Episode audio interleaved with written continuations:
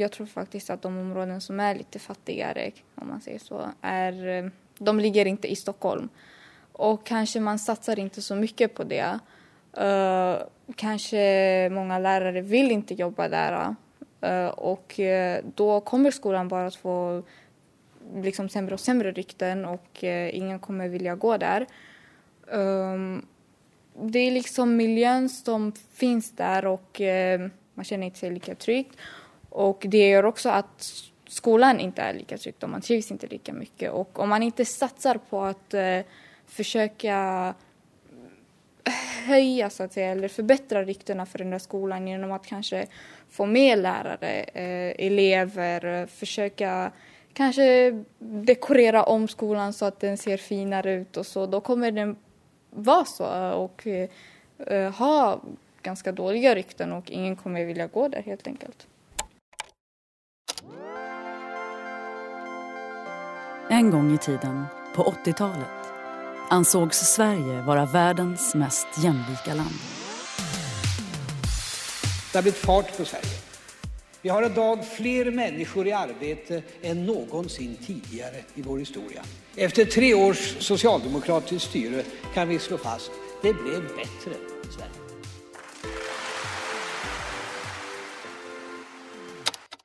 Ett långsiktigt politiskt arbete och fördelning av ekonomiska resurser hade lett till låg arbetslöshet. Att den sociala tryggheten var stark och att skillnaden mellan en arbetares och en direktörslön var historiskt låg. Det var nästan 40 år sedan och mycket har hänt sedan dess. Ska en undersköterska i 20-talets klassamhälle känna ångest över den pension som väntar och på löpsedlarna se bolagstoppar fladdra förbi som tjänar 358 000 kronor per dag. Dagens klassamhälle är inte identiskt med 1920-talets. Men snus är snus. Orättvisa är orättvisa, om än i ny förpackning. Jämlikheten då har övergått till en ojämlikhet idag. Och det är det den här podcastserien från LO ska handla om. Ojämlikheten utgår från LOs jämlikhetsutredning. Avsnitt 3 av 8 om skolan i ett samhälle där klyftorna växer.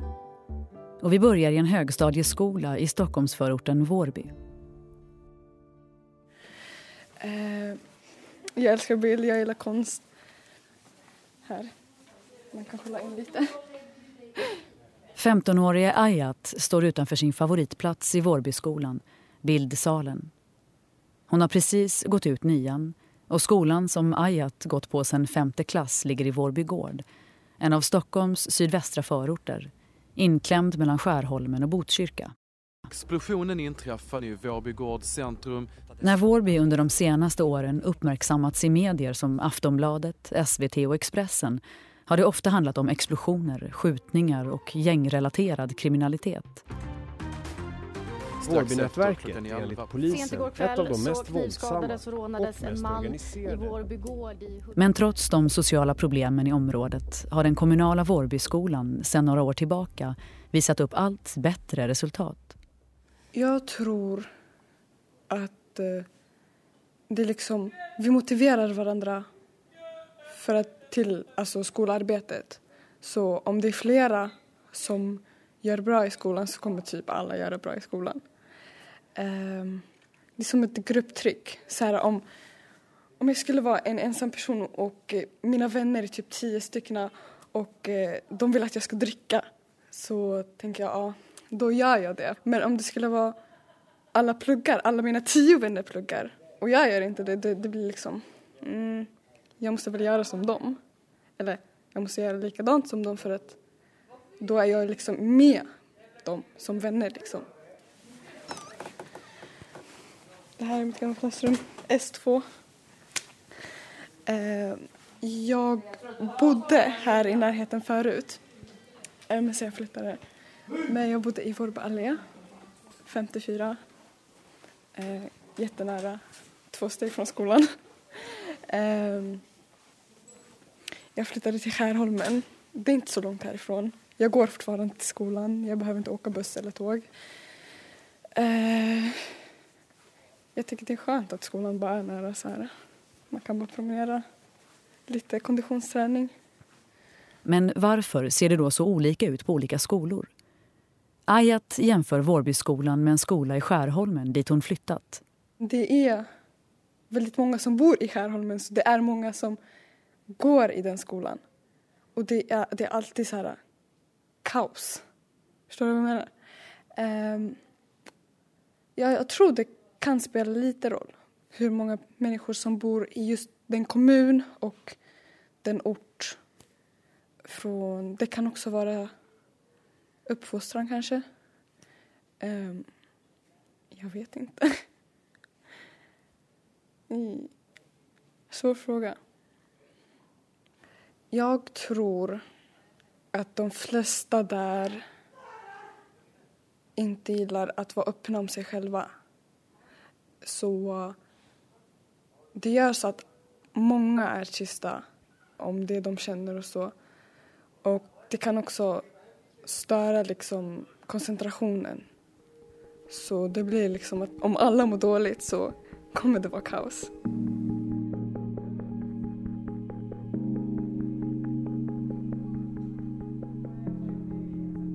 En annan av Vårbyskolans drygt 300 elever är Mohammad. Han har precis som Ayat just gått ut nian med bra betyg.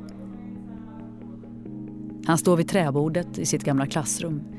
Det var här Mohammad satt när han för första gången fick högsta betyg av sin lärare. Det var i religion.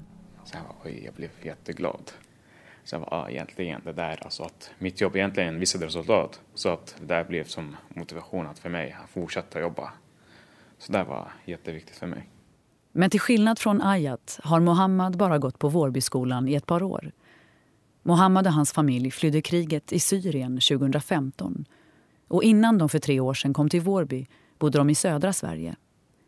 Där var första tiden i skolan svår, berättar han och kamrateffekten, alltså hur elever påverkar varandra, var negativ. Inte minst i jämförelse med hur han upplevt studieklimatet och acceptansen i Vårbyskolan.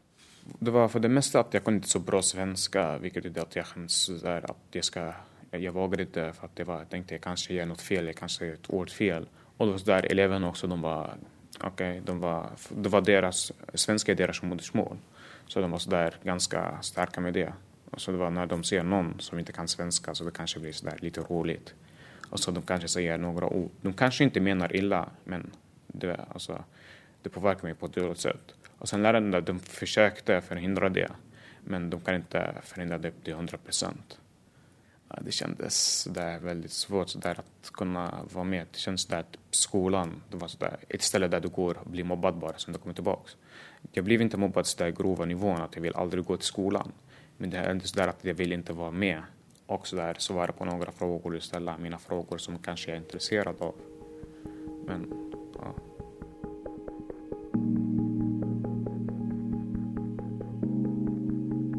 Rätt utformad kan skolan och utbildning ge alla barn och ungdomar en bra start i livet och kompensera svåra familjeförhållanden och social ojämlikhet. Skolan ska alltså ge alla elever likvärdiga förutsättningar. Men gör den svenska skolan det? Enligt Skolverkets analyser har skillnaderna mellan skolor i Sverige vuxit de senaste 20 åren och andelen behöriga lärare är lägst i de skolor som har störst behov. Och internationella skolundersökningen PISA visar att den svenska skolan halkat efter jämförbara länder när det kommer till likvärdighet. Men vad är det som har gjort att det kan skilja så mycket svenska skolor emellan? Och hur hänger det ihop med att klyftorna vuxit och ojämlikheten ökat i Sverige sedan början av 80-talet? När det gäller eh, ojämlikhet och skola, de hänger intimt samman.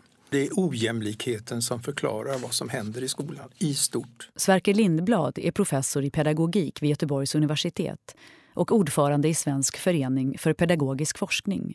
Tidigare har han varit ordförande för Europeiska utbildningsforskares förbund och han har följt den svenska skolans utveckling nära sedan 70-talet. Alltså, ska vi förstå oss på skolan, alltså en skola, då är alltså den fundamentala uppgiften har varit och är att skapa kulturellt kompetenta personer Alltså människor som lever, kan verka och så vidare och vara delaktiga i samhället inom politik, ekonomi och så vidare.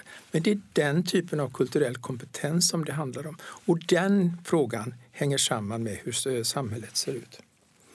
Och vad jag vill säga en stor förändring är att det har skett en övergång från att tala om skolan i termer av omsorg, eh, medborgarnas skola, eh, socialt ansvar och så vidare så skedde en övergång till just fråga om effektivitet och provresultat. Och detta hänger i sin tur samman med de reformer som vi såg framförallt som framförallt tog sin början i, på 90-talet. Den svenska skolans privatisering och eh, omstrukturering.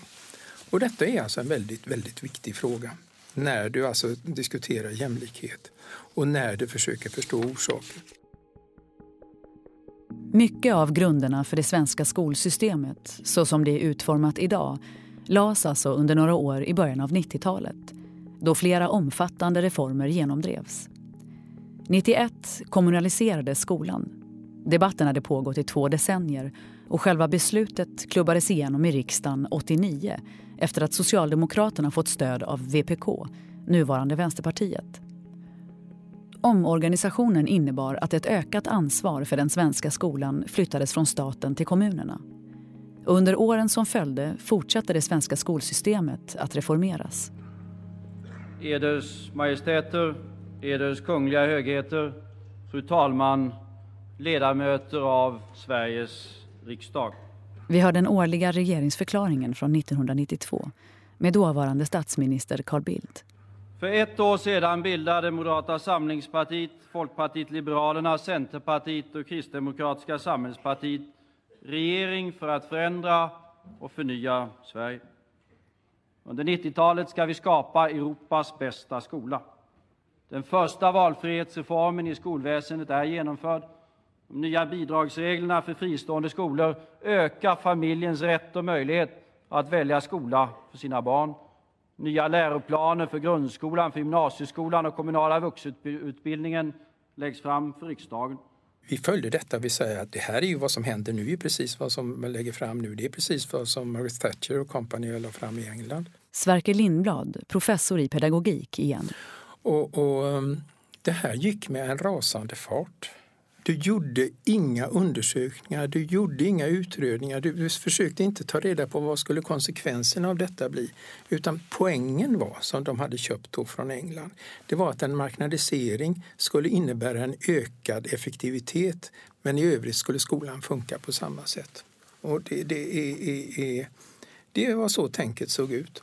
1992 års friskolereform innebar att friskolor skulle få skolpeng för varje elev från hemkommunen och samtidigt infördes det fria skolvalet. Valfrihetsreformen innebar att föräldrar fick rätt att välja skola inom kommunen både bland fristående och kommunala skolor. Sverker Lindblad följde utvecklingen på nära håll och han berättar hur Internationella organisationen för ekonomisk samarbete och utveckling, OECD, tidigt varnade för konsekvenserna av de nya skolreformerna. De undrar vad vi höll på med. Varför dessa reformer av ett väl fungerande skolsystem? Alltså det var en fråga som just kom från OECD och som då, då eh, visar ganska väl på att här var någonting som hände som hände av helt andra orsaker. Det var, vi jobbade ju med England. Alltså vi jobbade, vi hade 93 redan så började, hade vi formellt jobbade vi samman. Vi startade projekt om detta, alltså hur det såg ut i olika länder. Men det är ju engelsmännens erfarenheter var tydliga tycker jag redan då. Alltså det var en fråga om, om att det skulle öka skillnader och klassklyftor när du bygger upp en fråga om val. Men det var inte bara reformerna på 90-talet Alltså kommunaliseringen av skolan, det fria skolvalet, friskolereformen som gjorde att den skola vi ser idag markant skiljer sig mot hur skolan såg ut på 80-talet, innan förändringarna. En annan betydande faktor är var man bor. Har man stor boendesegregation så får man även stor skolsegregation. Jonas Vlachos är professor i nationalekonomi vid Stockholms universitet och mycket av hans forskning kretsar kring skolfrågor. Och en stor del av, av den ökade skolsegregationen kan ju då hänföras till ökat, eh, ökad boendesegregation. Och sen ovanpå det så visar man, det finns också väldigt tydligt i forskningen att skolvalet spelar också roll och framförallt då friskoleetableringar tenderar att driva på segregationen. Där råder inte heller någon större tvekan, även om det finns en ganska eh, stor diskussion om okej, okay, hur mycket är vad? Och den här frågan om hur mycket som kan hänföras till boendesegregation och hur mycket som kan hänföras till skolval och friskoleetableringar, den är, den är väldigt svår att svara på därför att boendeval och skolval hänger ihop. Och det är även så att, att hur man hanterar en viss given eh, boendesegregation beror ju också på vilka styrmöjligheter man har för skolan. Ja, med reformerna på 90-talet förändrades även styrningen av landets skolor. Tidigare fanns utförliga anvisningar om hur skolledare och lärare skulle göra i nästan alla situationer. Men i det nya skolsystemet skulle staten inte längre styra landets skolor med centrala regler. Istället satte staten upp mål som kommunerna och deras skolor skulle uppnå. Går vi från att ha en situation där staten styr tydligt med regler, det har ju sina nackdelar men det har ju ganska tydlig, tydliga fördelar också, framförallt och kanske ur ett likvärdighetsperspektiv. Då gör man på ungefär samma sätt på alla skolor. Det, det är inga stora skillnader. Om man då byter system så vi dels skaffar 290 kommunala huvudmän som är, eh, för skolan plus att vi släpper in eh, mängder med enskilda huvudmän och samtidigt byter från regelstyrning till målstyrning som ju helt syftar till att skolor ska finna sina egna vägar till måluppfyllelse. Ja, då, då kommer det att bli mer varierat. Det är liksom själva syftet och det är inte så konstigt att vi ser det också. Här har de... Nej, de har gjort någonting. Tillbaka till Vårbyskolan utanför Stockholm. Skolans rektor Lena Sjögren står vid skolans café. Caféet är sommarstängt och låst. Lena kikar in mellan de neddragna gröna jalusierna i metall och pekar på bilder av elever som tidigare gått på skolan. Du kan ju se där. För att eleverna skulle få träffa på förebilder. Så det första året då bjöd vi in Danny Evanoff. Det var han som startade Karamellkungen, Godisprinsen. Och sen är det Nadja som har sprungit i friidrottslandslaget och Ametist som är radioreporter.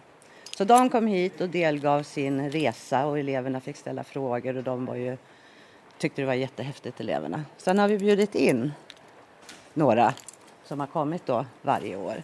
Och de sitter här i kafeterian just för att eleverna ska bli påminda om att det går att lyckas.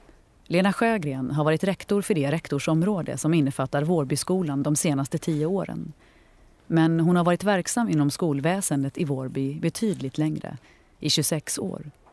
Och hon har sett hur Vårby har förändrats sedan början av 90-talet. Och med områdets omvandling har även förutsättningarna för att bedriva kommunal grundskoleverksamhet förändrats. Då kunde man ha samma elever i princip hela resan. Nu är det en väldig omsättning på elever, många in och ut som gör att det påverkar klasserna. Många bor i andra hand, tredje hand i dagsläget. De får inte bo kvar eller de blir utvisade eller ja, många olika aspekter i det. Då, då.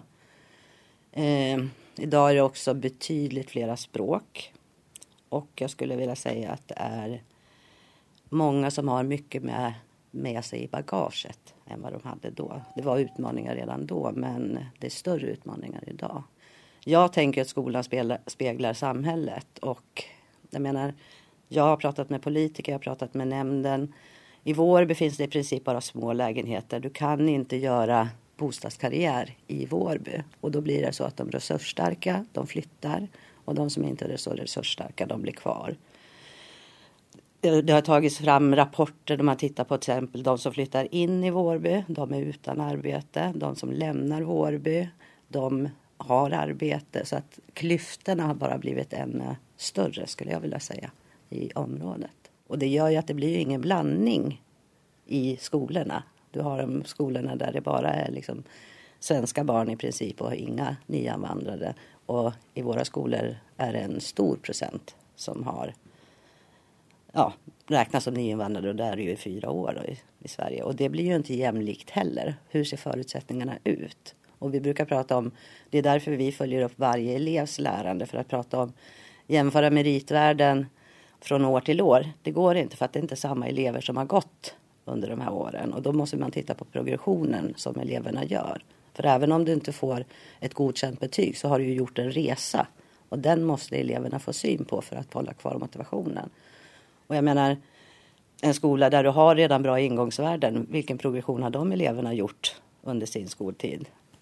Om man tittar, de kanske hade samma meritvärde när de började som när de slutar. Så jag tror att man måste följa upp på ett annat sätt. Man kan inte jämföra meritvärden som man gör i media där man skriver här är sämsta skolan för att de har de sämsta meritvärdena. Det säger ingenting i mina ögon. När Lena tillträdde som rektor hade Vårbyskolan dåligt rykte och de tappade en hel del elever till andra skolor i områden som inte hade samma sociala problem som Vårby gård. Det är alltid, många vårdnadshavare tänker det är alltid lite grönare närmare stan. Det är alltid lite bättre skolor där. Och vi har ju flera friskolor som ligger där. Och en del friskolor de lockar ju med gratis SL-kort eller du får det och det och vi känner att vi vill inte konkurrera på de villkoren. Så att initialt så var det många som valde bort Vårby. Nu börjar vi se att vi har fått ganska gott renommé. Många kommer tillbaks. För gräset var inte grönare på andra sidan. Och då är det ibland så att så då får vi säga att nej, nu har vi följt. Det går inte. Så att nu ska ju Engelska skolan öppna här i Vårby. Får vi se vad som händer. Men jag är ju inte för det fria skolvalet. För att jag tycker att det ökar segregationen ännu mer. Eftersom att det är många resursstarka som väljer de skolorna. Och det är alltid lätt att få ett dåligt rykte men det är väldigt svårt att tvätta bort ett dåligt rykte. Det fria skolvalet har ju ganska uppenbara segregerande konsekvenser. Det tror jag är den viktigaste anledningen till att folk är emot det. Att folk i skolans värld är emot det, därför att de ser det väldigt påtagligt. Jonas Vlachos, professor i nationalekonomi vid Stockholms universitet igen. Och det är så att när man går igenom forskningen på det här så visar man att alla eh, dokumenterade erfarenheter av skolval som finns Eh, som då beforskats, så har visat att det har resulterat i högre social segregation. Eller segregation utifrån socioekonomiska och eh, etniska eh, skiljelinjer. I viss mån även religiösa, men framförallt socioekonomiska. Så det här är, är liksom, det ligger i skolvalets natur att, att, när folk väljer fritt så väljer man i hög grad lika, lika söker lika.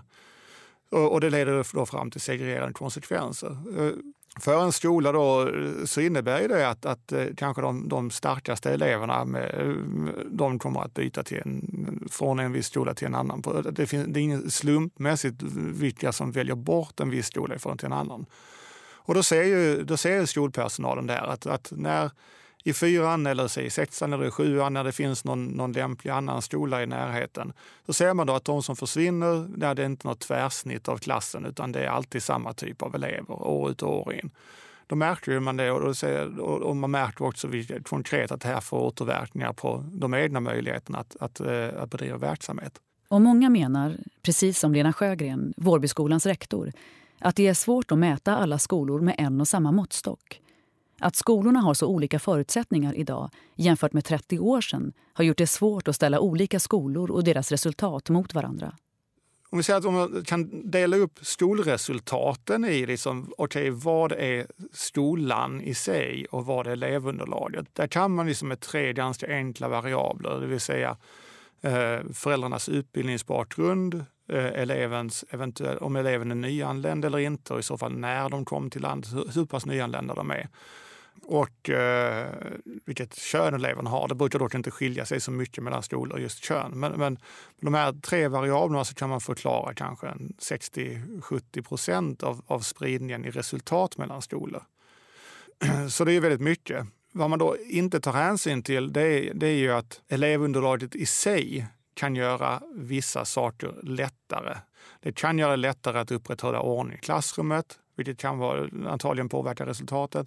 Det kan vara lättare att rekrytera lärare och så vidare. Det tar man, det, det tar man inte hänsyn till när man gör den här typen av jämförelser. Och det, det, är också väldigt svårt att bedöma okay, hur mycket bättre blir en skola av att man har en hög koncentration av, av starka elever. Det är en väldigt svår empirisk svår eh, fråga att svara på. Så att, att separera exakt vad som är vad, det går inte riktigt. Men att elevunderlaget är väldigt viktigt, det är, det, det är uppenbart. En annan sak som bara är delvis relaterad, det har att göra med skolpengens konstruktion. Att, vi har, att tappar en skola en elev så förlorar man hela finansieringen.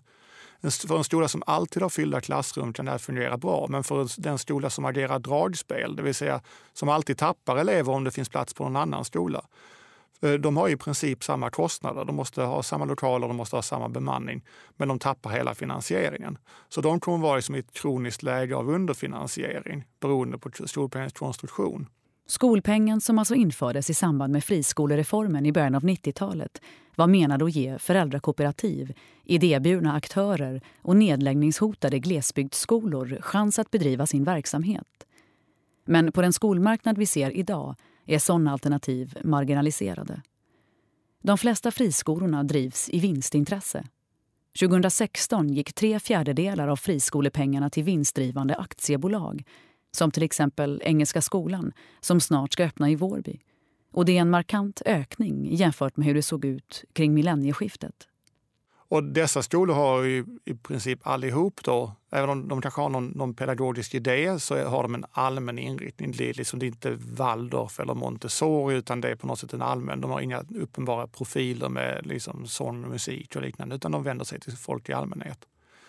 Och i och med att den här starka expansionskraften har, har funnits i friskolesektorn, det är också därför som de får ett genomslag på segregationen. Därför att elevunderlaget på friskolorna är ganska radikalt annorlunda från det som är på de kommunala skolorna. Det ser man både i aggregerad data och när man ser vad som händer när en friskola etableras i ett område. Att, att det, det finns alltid undantag från alla regler men det är väldigt tydligt att då drar de till sig de, de eleverna med starkast hemförutsättningar. I skolor som Vårbyskolan, där skolkamrater har positiv påverkan på varandra har man lyckats vända negativa trender trots att elevunderlaget kommer från en socioekonomisk utsatt miljö.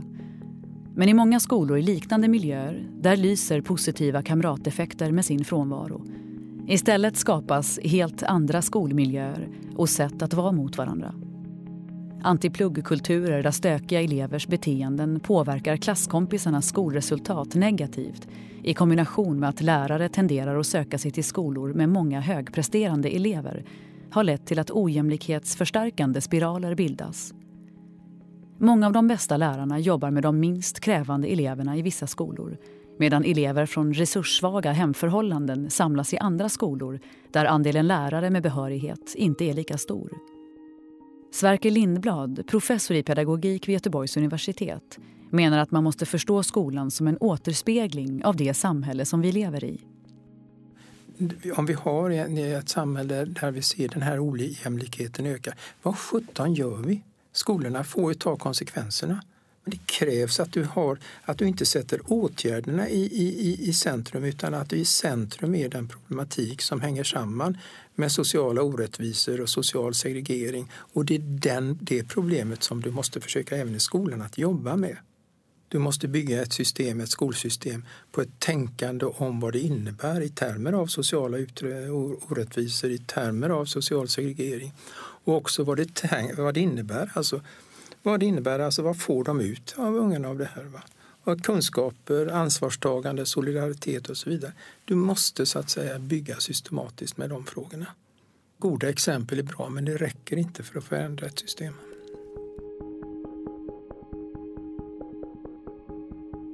Sverige är det land i västvärlden där ojämlikheten ökat mest under de senaste decennierna.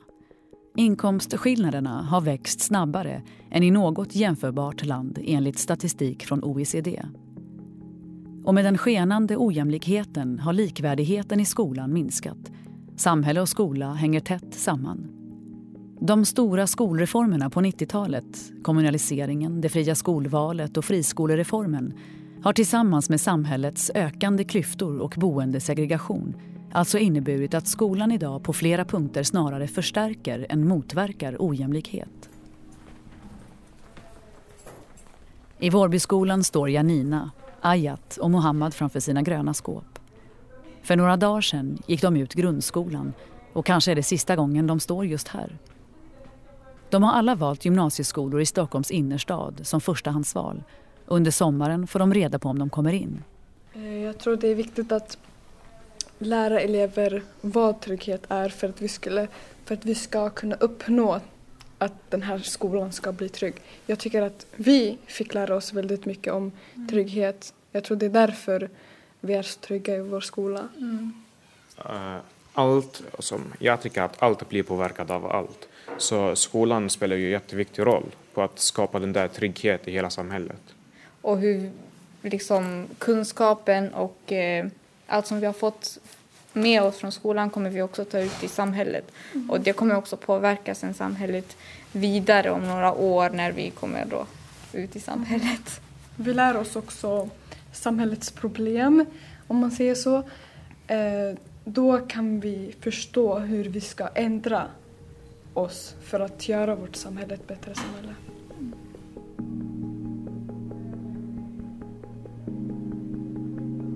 Du har hört tredje delen av åtta i podcastserien Ojämlikheten.